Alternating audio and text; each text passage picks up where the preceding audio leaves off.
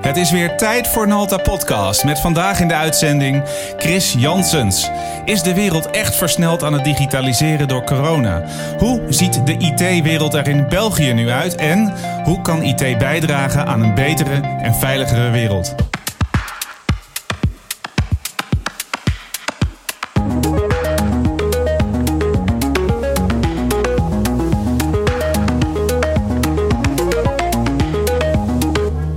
Dit is Nalta Podcast aflevering 35, opgenomen op woensdag 17 juni 2020. We mogen weer naar België. Nalta Podcast wordt je aangeboden door Nalta.com, uw partner voor het bouwen van platformen voor IT en digitale transformatie en softwareontwikkeling.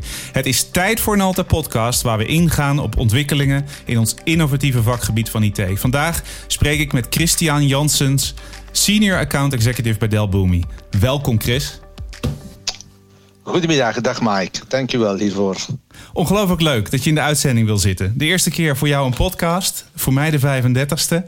En het ehm, is nog steeds wennen, moet ik zeggen. Ik heb het nu vijf weken niet meer gedaan. Ehm, een kleine radiostilte gehad. Heel druk met, uh, ja, uh, in het bedrijf rondom corona. Uh, maar het was weer tijd voor een podcast. En ik ben blij dat je er bent. Ja, dankjewel. Ik hoop dat we het verschil niet gaan merken tussen jouw ervaring en mijn eerste keer. Wel nee, het is mijn taak om ervoor te zorgen dat dat niet gebeurt. Hoe gaat het met je? Bij mij gaat het goed, heel goed. Uh, het zijn rare tijden momenteel in de business, ook privé. De wereld is enorm geïmpacteerd door COVID-19. Dus ja, het is een beetje aanpassen. We zitten nu in de zestiende week al uh, in lockdown of thuis in België. Dat we verplicht zijn om van thuis uit te werken. Um, het is een aantal weken moeilijk geweest, maar er begint nu wel een zekere gewenning te komen om thuis te werken. Dus het is toch wel een uh, andere wereld geworden. Het is gewenning, maar het is nog niet natuurlijk. Voor de, voor de luisteraar, wie ben je? Wie ben je, Chris? Ja, dus uh, Chris Janssens, ik zit al ongeveer 25 jaar in de IT-wereld. Het is altijd mijn passie geweest, al van bij mijn studies. Ik heb ook een opleiding gedaan informatica. En ik ben dan ook onmiddellijk begonnen in de IT-wereld bij ja, de bekende multinationals toen, IBM in de jaren 90. En vervolgens heb ik ongeveer tien jaar gewerkt bij een ander IT-bedrijf. Zijn de Dell, vandaag genaamd Dell EMC. Mm-hmm. Waar ik mij vooral gefocust heb op de hardware, op datacentertechnologie, uh, verkopen van oplossingen rond storage, servers, networking, laptops, desktops en dergelijke meer. En dan op een gegeven moment, een, een, een, een zestal jaar geleden, heb ik dan toch een switch gemaakt, omdat ik zag dat de wereld enorm aan het veranderen was toen, in de periode 2010-2014, dat er toch nieuwe new kids on the block kwamen, zoals een, een, Google, een Amazon, een Microsoft, die meer cloud-georiënteerde oplossingen begonnen aan te bieden, waar Dell op dat moment heel sterk nog focuste op wat we toen noemden commodity hardware oplossingen. En waar ik het gevoel had dat toch de wereld drastisch aan het veranderen was naar meer oplossingen die um, vanuit de cloud aangeboden werden as a subscription. Wat ik, wat dus ik zag op daar... je cv is dat je um, eigenlijk over de afgelopen jaren na die stap actief bent geweest bij, bij SAP, um, ja, SAP, correct. bij Splunk, wat echt een waanzinnig cool, uh, cool bedrijf is. Maar best wel rollen die veel meer data gedreven zijn. Is dat een terechte conclusie? Ja, dat is zeker een terechte conclusie. Ik geloof heel sterk in alles wat met data te maken heeft. Er zit enorm veel informatie in data. Uh, informatie waarvan mensen niet van op de hoogte zijn. En als je die kan, met elkaar kan linken, data, kan je patronen ontdekken die ja, bepaalde inzichten verschaffen die, uh, ja, waarvan je op voorhand niet op de hoogte was. Dus zowel SAP heel sterk gericht op het applicatieve, heb ik een aantal fantastische jaren gehad uh, met offerings rond data. En dan vooral het echte databedrijf Splunk, die als boodschap bij mij eigenlijk om echt informatie uit de gigantische hoeveelheid data te halen waar bedrijven op zitten. Dus bedrijven zitten, uh, produceren dagdagelijks uh, ongelooflijk veel hoeveelheden data. En de kracht van Splunk is om daar patronen in te herkennen, om daar informatie uit te halen die klanten, personen kunnen gebruiken om toegevoegde waarde te creëren voor de, voor de wereld. En daarom is het ook echt super tof dat je bij ons nu in de uitzending wil zitten en een deel van die ervaring kunt delen. Um, je werkt nu bij Del Boomi. Ik denk dat wij in de tweede helft van dit programma daar wel wat meer op kunnen inzoomen. Um, Er is ongelooflijk veel aan de hand. Ehm, ehm, dat is ook een van de vragen die ik in de opening stelde. Is de wereld nu versneld aan het digitaliseren door corona? Ehm, maar voordat we daar zeg maar verder op inzoomen, als je kijkt naar je eigen land, waar je nu uh, actief bent, hoe ziet die wereld er nu uit in België als het gaat om, om IT? Is dat vergelijkbaar met wat wij zien in Nederland? Um, ja, hoe dat de wereld van IT in België eruit ziet, ja, moet ik eerst al zeggen, de laatste 15 weken heb ik niet veel van België meer gezien, omdat we hier in die, in die lockdown zijn geraakt. Um, maar er komt een enorme focus op digitalisatie, ook in België. België is altijd een beetje een land dat eerst de kat uit de boom kijkt. Als er nieuwe technologieën in Amerika uh, gelanceerd worden, is het meestal vervolgens de UK of de Nordics die, die technologieën adopteren. En dan is Nederland ook meestal vrij snel uh, een speler die technologieën adopteert. België merk ik al vele jaren, we zijn daar iets trager in. Wij kijken de kat uit de boom. En als de andere landen bepaalde technologieën goed geïmplementeerd hebben, dan wordt die versnelling ook in België ingezet. Mm -hmm. uh, dus wij lopen, ik vermoed dat wij qua technologie toch, toch een beetje achterlopen in België. Uh, zeker als ik bijvoorbeeld naar Amerika, ik ben de laatste jaren veel in Amerika geweest, daar merk ik toch een enorm verschil van hoe daar digitalisatie veel verder staat dan in België. Nu op een aantal domeinen denk ik dat België wel vooruitstrevend is. En dan kijk ik vooral naar healthcare en, en zorg. België is een land dat heel sterk focust op alles wat met geneeskunde en zorg voor mensen te maken heeft. En daar zie ik toch een, een mogelijke rol van België. Dat wij daar met, uh, we noemen dat mutualiteiten in België, die, die uh, mensen helpen in hun... Uh, als ze een, ergens een medische behoefte hebben, om hen daar te ondersteunen. En daar zie ik toch wel een enorme digitalisatie uh, deze dagen gebeuren om dat allemaal meer en meer te automatiseren. Dus er zijn verzekeringen in België. Als je een ongeluk hebt gehad, moet je het gewoon maar meer aangeven aan je verzekeringsmaatschappij en zie je bij wijze van spreken geen facturen meer. En hoe komt het dat daar meer focus in België is op, op zorg? Hoe dat het komt dat er in België meer focus is op zorg, ik denk dat dat gewoon misschien een beetje historisch gegroeid is. Ik heb daar nooit echt een, een ik kan daar niet echt een verklaring voor geven waarom het in andere landen minder is. Het is misschien politiek gespeeld, uh, waarom er in België meer focus is op de zorg daar moet ik je het antwoord wel op schuldig blijven. Ja, ja het is verrassend. Ik wist dat niet. Uh, we zijn natuurlijk zelf ook actief in de zorg actief in de zorg in de vorm van IoT uh, met Digital Angel, uh, waar ook een component natuurlijk van, van Boomi in zit. Um, wij hebben het er vaker over gehad. Moeten we niet um, met dat product ook naar België toe? Maar dit wist ik niet. Dat er in België zoveel focus op dat onderwerp was en daar dus ook veel innovatie op plaatsvindt. Ja, laat me zeggen, België is een, een, toch een heel sterke zorgstaat. Dus er, gaat, uh, er is heel veel focus op het goed verzorgen van de mensen.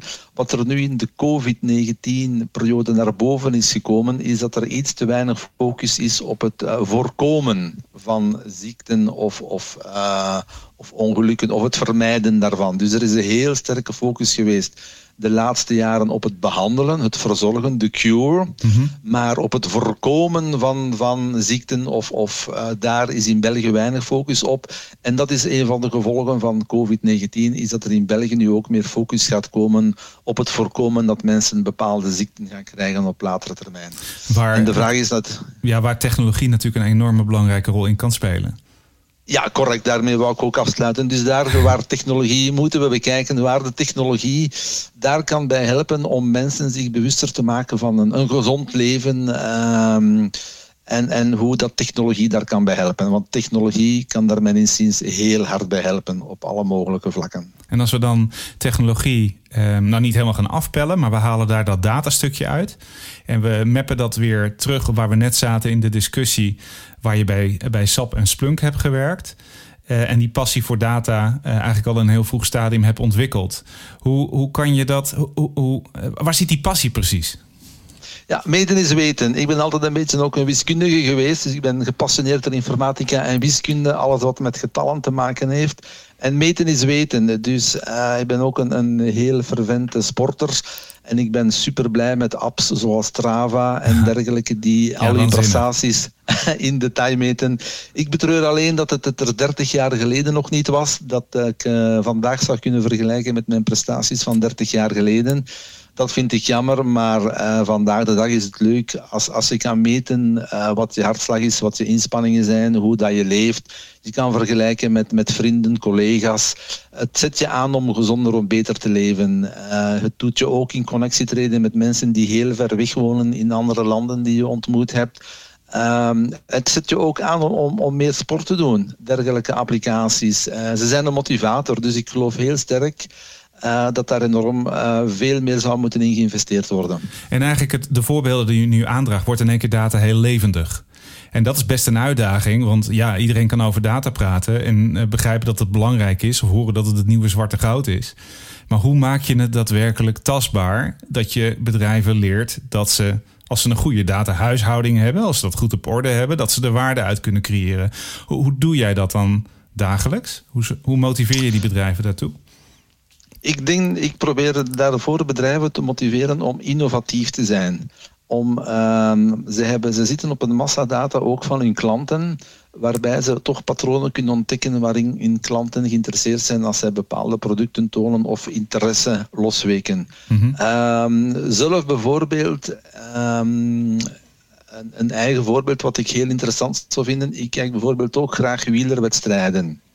En wat ik daarin een beetje ontbreek, als je al die renners ziet rijden, uh, je kan die moeilijk van elkaar onderscheiden, al die renners. Mm -hmm. Het zou toch eenvoudig zijn of simpel zijn om al die renners een transponder mee te geven als ze op een bepaalde plaats voorbij rijden, dat je op je televisiescherm kan zien wie er bijvoorbeeld allemaal in de kopgroep zit, dan dat je moet luisteren naar een commentator die zit te gissen van misschien is die erbij, misschien is die erbij, en dan heb je er nog drie of vier gemist. En, en dan kan je ook televisie bijvoorbeeld interactief maken door uh, met verschillende kanalen te werken om een bepaalde wedstrijd uh, uit te zenden. Dat gebeurt vandaag in de voetbal.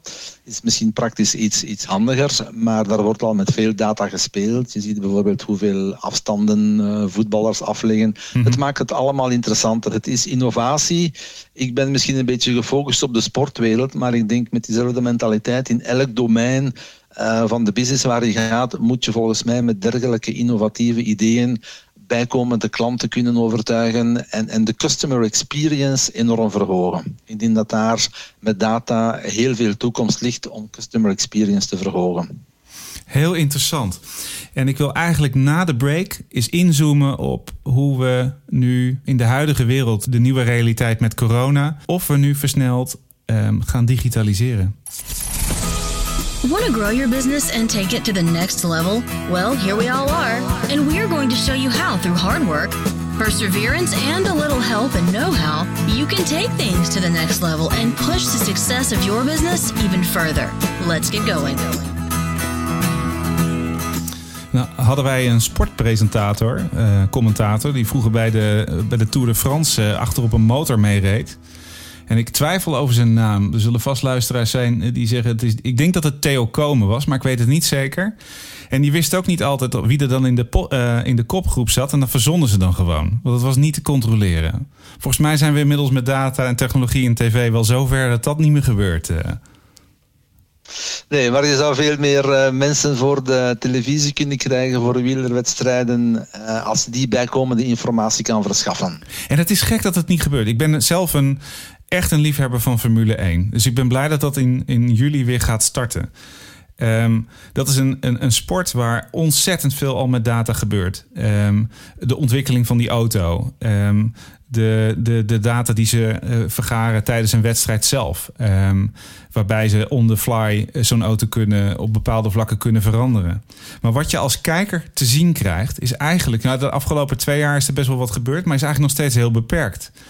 En ik hoop echt dat als ze in juli gaan starten, zonder publiek, dat ze een nieuwe dimensie gaan vinden. Dat ze inderdaad data gaan gebruiken om je ja, beter te betrekken bij, bij het spelletje wat je op dat moment ziet. Uh, dat je betere insights krijgt. Um, het gebeurt nog heel beperkt. Dat is um, niet alleen maar in de, ja. in, de, in de wielrennerij het geval.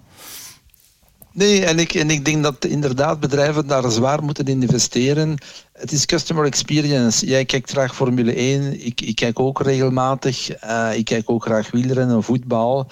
Um, soms is het een beetje saai, zowel in voetbal als in wielrennen of in Formule 1 heb je soms saaie stukken. Ja. Maar als je die dan kan opvullen met, met leuke data-informatie van snelheden die gereden worden, de snelste tijd die daar gereden wordt, uh, als die allemaal automatisch op het scherm verschijnen, Ja. ja, dan ben je weer bezig. Ik denk dat customer experience Ehm, het aantrekken en behouden van nieuwe klanten door, door diensten aan te bieden die interessant zijn, gebaseerd op data voor bedrijven, het verschil kunnen maken tussen overleven of, of binnen vijf à tien jaar niet meer bestaan. En dat is een, eigenlijk een briljant bruggetje naar ja, de, de hamvraag van de podcast. Ehm, we zitten nu gedwongen thuis. Ehm, we kunnen niet bij elkaar makkelijk op bezoek. Ehm, zakelijk gezien ligt er heel veel stil. Ehm, klantbezoeken uit en boos op dit moment. Eh, events zijn er niet. Businessmodellen die werken niet, want die zijn geënt op eh, fysiek. En je ziet dus dat bedrijven versneld nu op zoek zijn naar hoe kunnen ze hun businessmodel in stand houden. Zie jij vanuit jouw rol van Del Boomi ehm, toch, ehm, jullie zitten echt in de, in, de, in de kern van data koppelen en eh, data verrijken, transformeren. Zie je dat er versneld wordt gewerkt aan het digitaliseren bij bedrijven? Ik zie dat daar naar gekeken wordt en dat bedrijven beseffen dat er wel een noodzaak is. Waarin wij Boomi kunnen helpen is inderdaad het koppelen van data tussen verschillende applicaties. Uh, applicaties die elk gebruik maken van hun eigen dataset, proberen wij met elkaar in verbinding te brengen om daar meer informatie uit te halen. Ik denk dat bedrijven nu toch willens nillens geconfronteerd worden om harder die kaart te trekken. Gebeurt dat vandaag al? Ik denk dat ze vandaag nog vooral focus leggen op het blussen van, van de schade die aangericht wordt door COVID-19. Mhm. Maar het is onze taak van digitale bedrijven zoals een Boomi om klanten bewust te maken: hey, uh, Oké, vandaag ben je nog bezig om de schade zoveel mogelijk te beperken, maar probeer toch al tracks op te starten naar de toekomst toe om het digitale kaart verder, uh, verder meer, meer aandacht op te richten. Het zal je toelaten om in de toekomst relevant te zijn en de new way of working beter te ondersteunen. Je zal flexibeler zijn. Niemand kan voorspellen vandaag hoe het gaat verlopen na de zomer met corona. We hopen allemaal natuurlijk dat het in West-Europa dat, uh, dat de impact heel beperkt zal zijn, maar uiteindelijk weet niemand het. En dan kan je als bedrijf maar best investeren in digitale technologieën om zowel je werknemers, employee experience hoog te houden, als uw klanten aan boord te houden, customer experience. Ik vind tegelijkertijd ook moeilijk. Um, toen, die, um, toen we in lockdown gingen, of uh, wat wij hier in Nederland noemen, intelligente lockdown. Uh, dus, ja, ik weet niet wat ik daarvan moet vinden eigenlijk.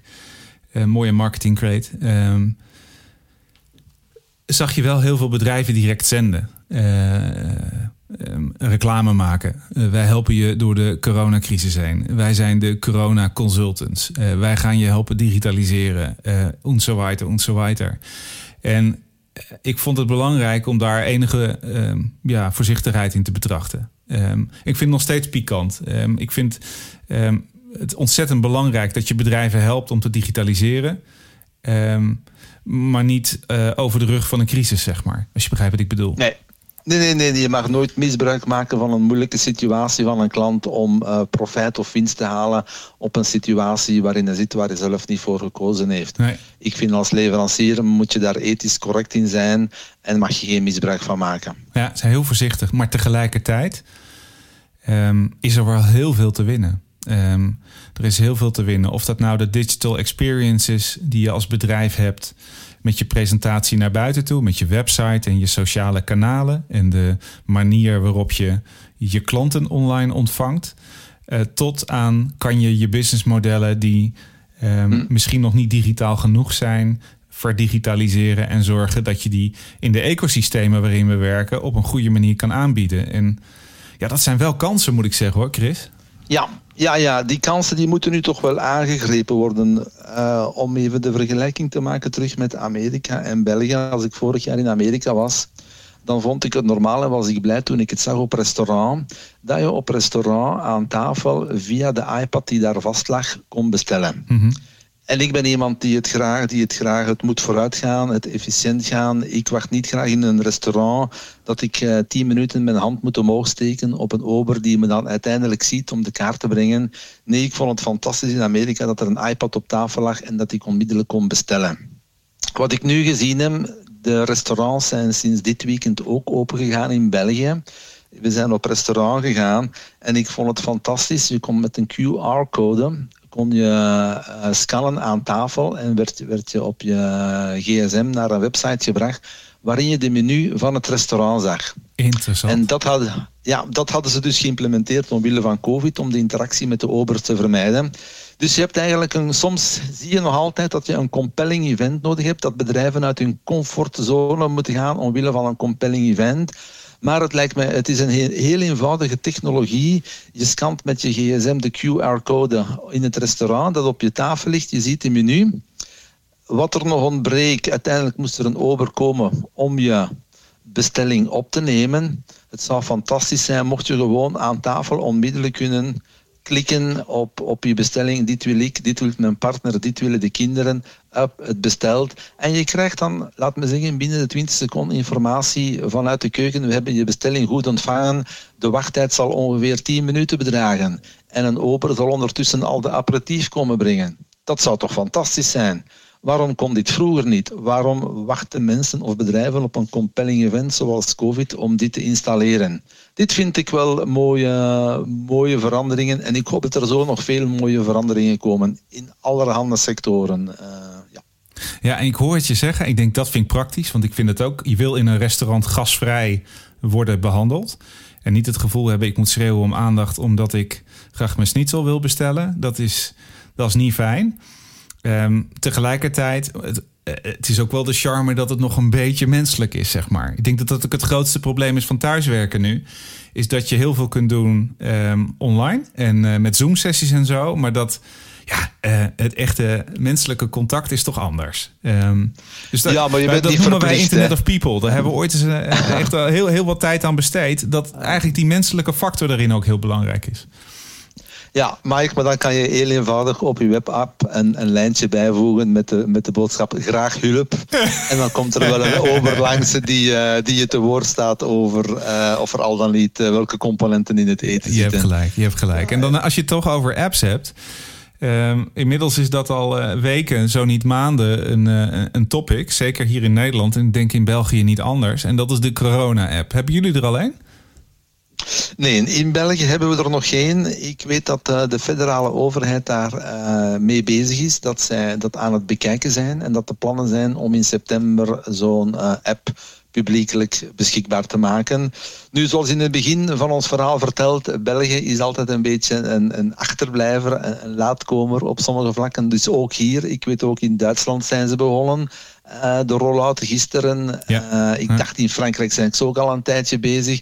Ik hoor van ja, in Nederland gaan ze ook beginnen. Nou, nee, in, In Nederland was het anders hoor. Ze waren er heel snel bij. Toen hebben ze een tender uitgeschreven waar heel veel bedrijven op hebben gereageerd van wij gaan die app wel even ontwikkelen. Ehm, heel grappig. Zelfs bedrijven die op LinkedIn zeg maar de, hun aanbestedingen online gingen zetten. Kijken hoe, zij, hoe goed we bezig zijn. Uiteindelijk is dat allemaal gestopt. En is inmiddels de overheid ehm, met een consortium bezig om een app te ontwikkelen. Maar ze zijn zeker nog niet zo ver als in, eh, in Duitsland. Tenminste, dat, dat eh, volgens mij niet. Nee. Oh, oké. Ja, oké. Dus in België ook niet. Dus wij verwachten hopelijk in september dat die app ter beschikking is. Ik heb eh, gehoord in Duitsland ook dat eh, omwille van GDPR en privacy issues, dat de overheid het niet kan opleggen, maar dat ze daar blijkbaar een goed concept hebben dat als je die app wel gebruikt, dat je dan bepaalde privileges, privileges hebt. Dus ik hoop dat er in België ook zo'n consensus is dat als je de app gebruikt, dat je dan misschien het recht hebt om meer buiten te komen. Als je de app niet gebruikt, dat je dan misschien meer uh, binnen moet blijven. Dus ik vind het wel jammer. Ik begrijp privacy en dergelijke meer. Maar als je dan moet overwegen om een heel land van 11 miljoen inwoners op te sluiten omwille van privacyredenen of, of je duwt die app erdoor, waardoor je toch mensen bewegingsvrijheid kunt geven, ben ik wel bereid om, op dat gebied privacy uh, gedeeltelijk uh, los te laten. Ah, zolang het maar vo volledig transparant is. Ja, met... En dat je weet wat er met je data gebeurt en wanneer dat gebeurt. Ik denk dat het een goede ontwikkeling is dat Apple en Android in elk geval de foundation hebben gelegd dat de technologie gaat werken. En de, ehm, zeg maar dat deel van de discussie van privacy bij de implement, bij de landen neerlegt. En ook daar alleen licenties aan verlenen om die technologie te gebruiken. Volgens mij heeft Nederland wel het recht om dat te gaan doen. Dus ze zullen ongetwijfeld die technologie gaan gebruiken. Ehm, maar ik hoor ook voorbeelden, uh, bijvoorbeeld uit, uh, uit Rusland. Dat, ik schrok me kapot, moet ik zeggen. Dat is iemand die ik daar ken, die woont in Moskou. Die heeft COVID. Die heeft corona. En uh, die krijgen verplicht een, een app. Um, en dan krijgen ze op um, ja, random momenten een, een berichtje binnen. En dan moeten ze een selfie maken om aan te tonen dat ze thuis zijn. Had je dit, had je dit verhaal al ergens gehoord? Nee, dit verhaal had ik nog niet gehoord. Maar ik kan me wel. En daar kom je volgens mij op, op, een, op, een, um, op een discussie tussen natuurlijk uh, landen waar een dictatuur heerst en, en waar een democratie heerst. En het is jammer om, om te beseffen vandaag dat landen waar een dictatuur heerst, zoals in China, dat die natuurlijk veel meer power hebben om zo'n pandemie de kop in te drukken dan landen waar een democratie heerst. Uh, landen als China die hebben geen GDPR of privacy. Dus als daar een crisis uitbreekt, dan kunnen zij heel snel zeggen van iedereen blijft thuis. En kunnen zij zo controlemechanismen in Rusland via een foto.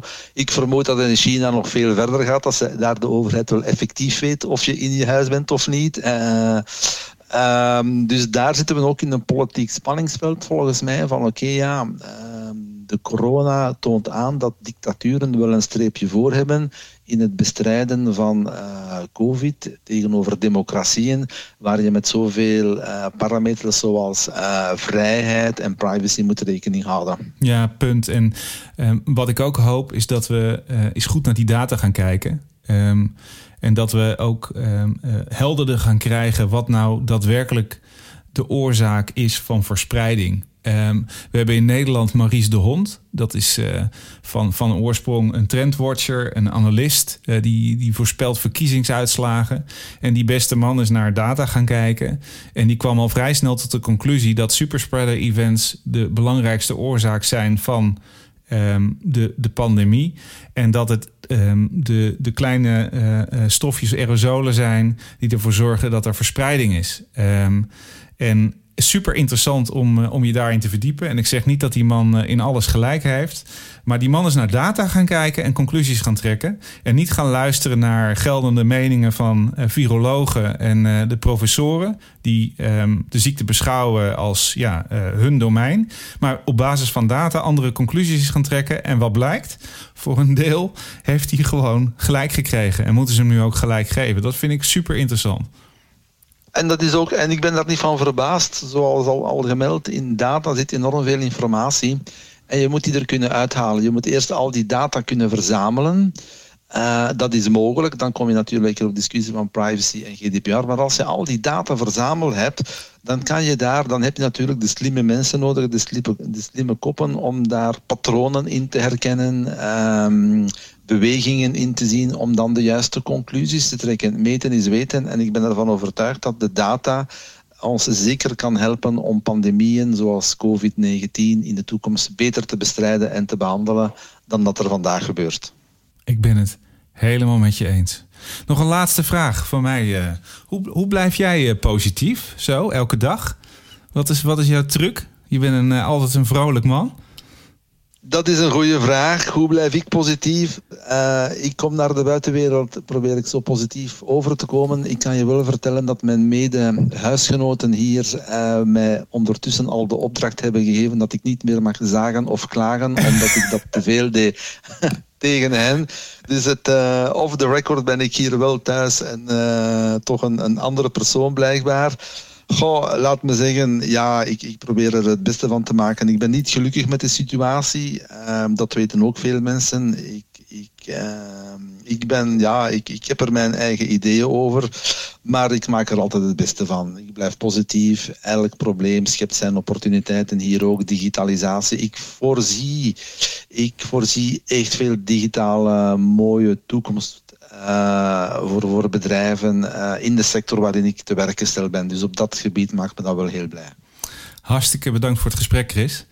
Ik, uh, ik heb ervan genoten. Um, en als je als luisteraar vragen hebt en meer waarde wil creëren uit data, neem gerust contact op met Chris of met mij. en wij helpen jullie heel graag in die, in die journey van digitalisering. Ik wil, wil je bedanken voor de podcast, Chris. Dankjewel, Mike. Jij ook bedankt. Bedankt voor het luisteren en vergeet niet te abonneren op onze podcastkanalen bij SoundCloud en Apple Podcasts. En je te abonneren op ons YouTube-kanaal voor Nalta Explores en Explains video's. We sluiten vandaag af met een nummer van Bob Marley en The Wailers. Lively Up Yourself. Dat uh, een beetje positieve vibe, uh, Chris. En bedankt voor het luisteren en tot de volgende podcast. Stay healthy and stay safe.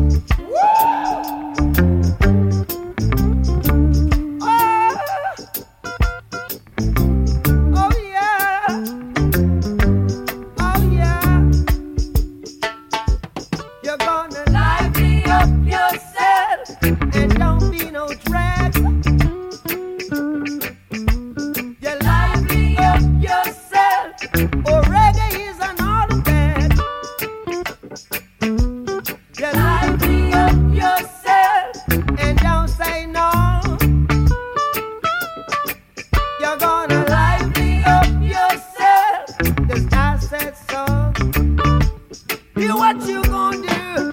The rock for you.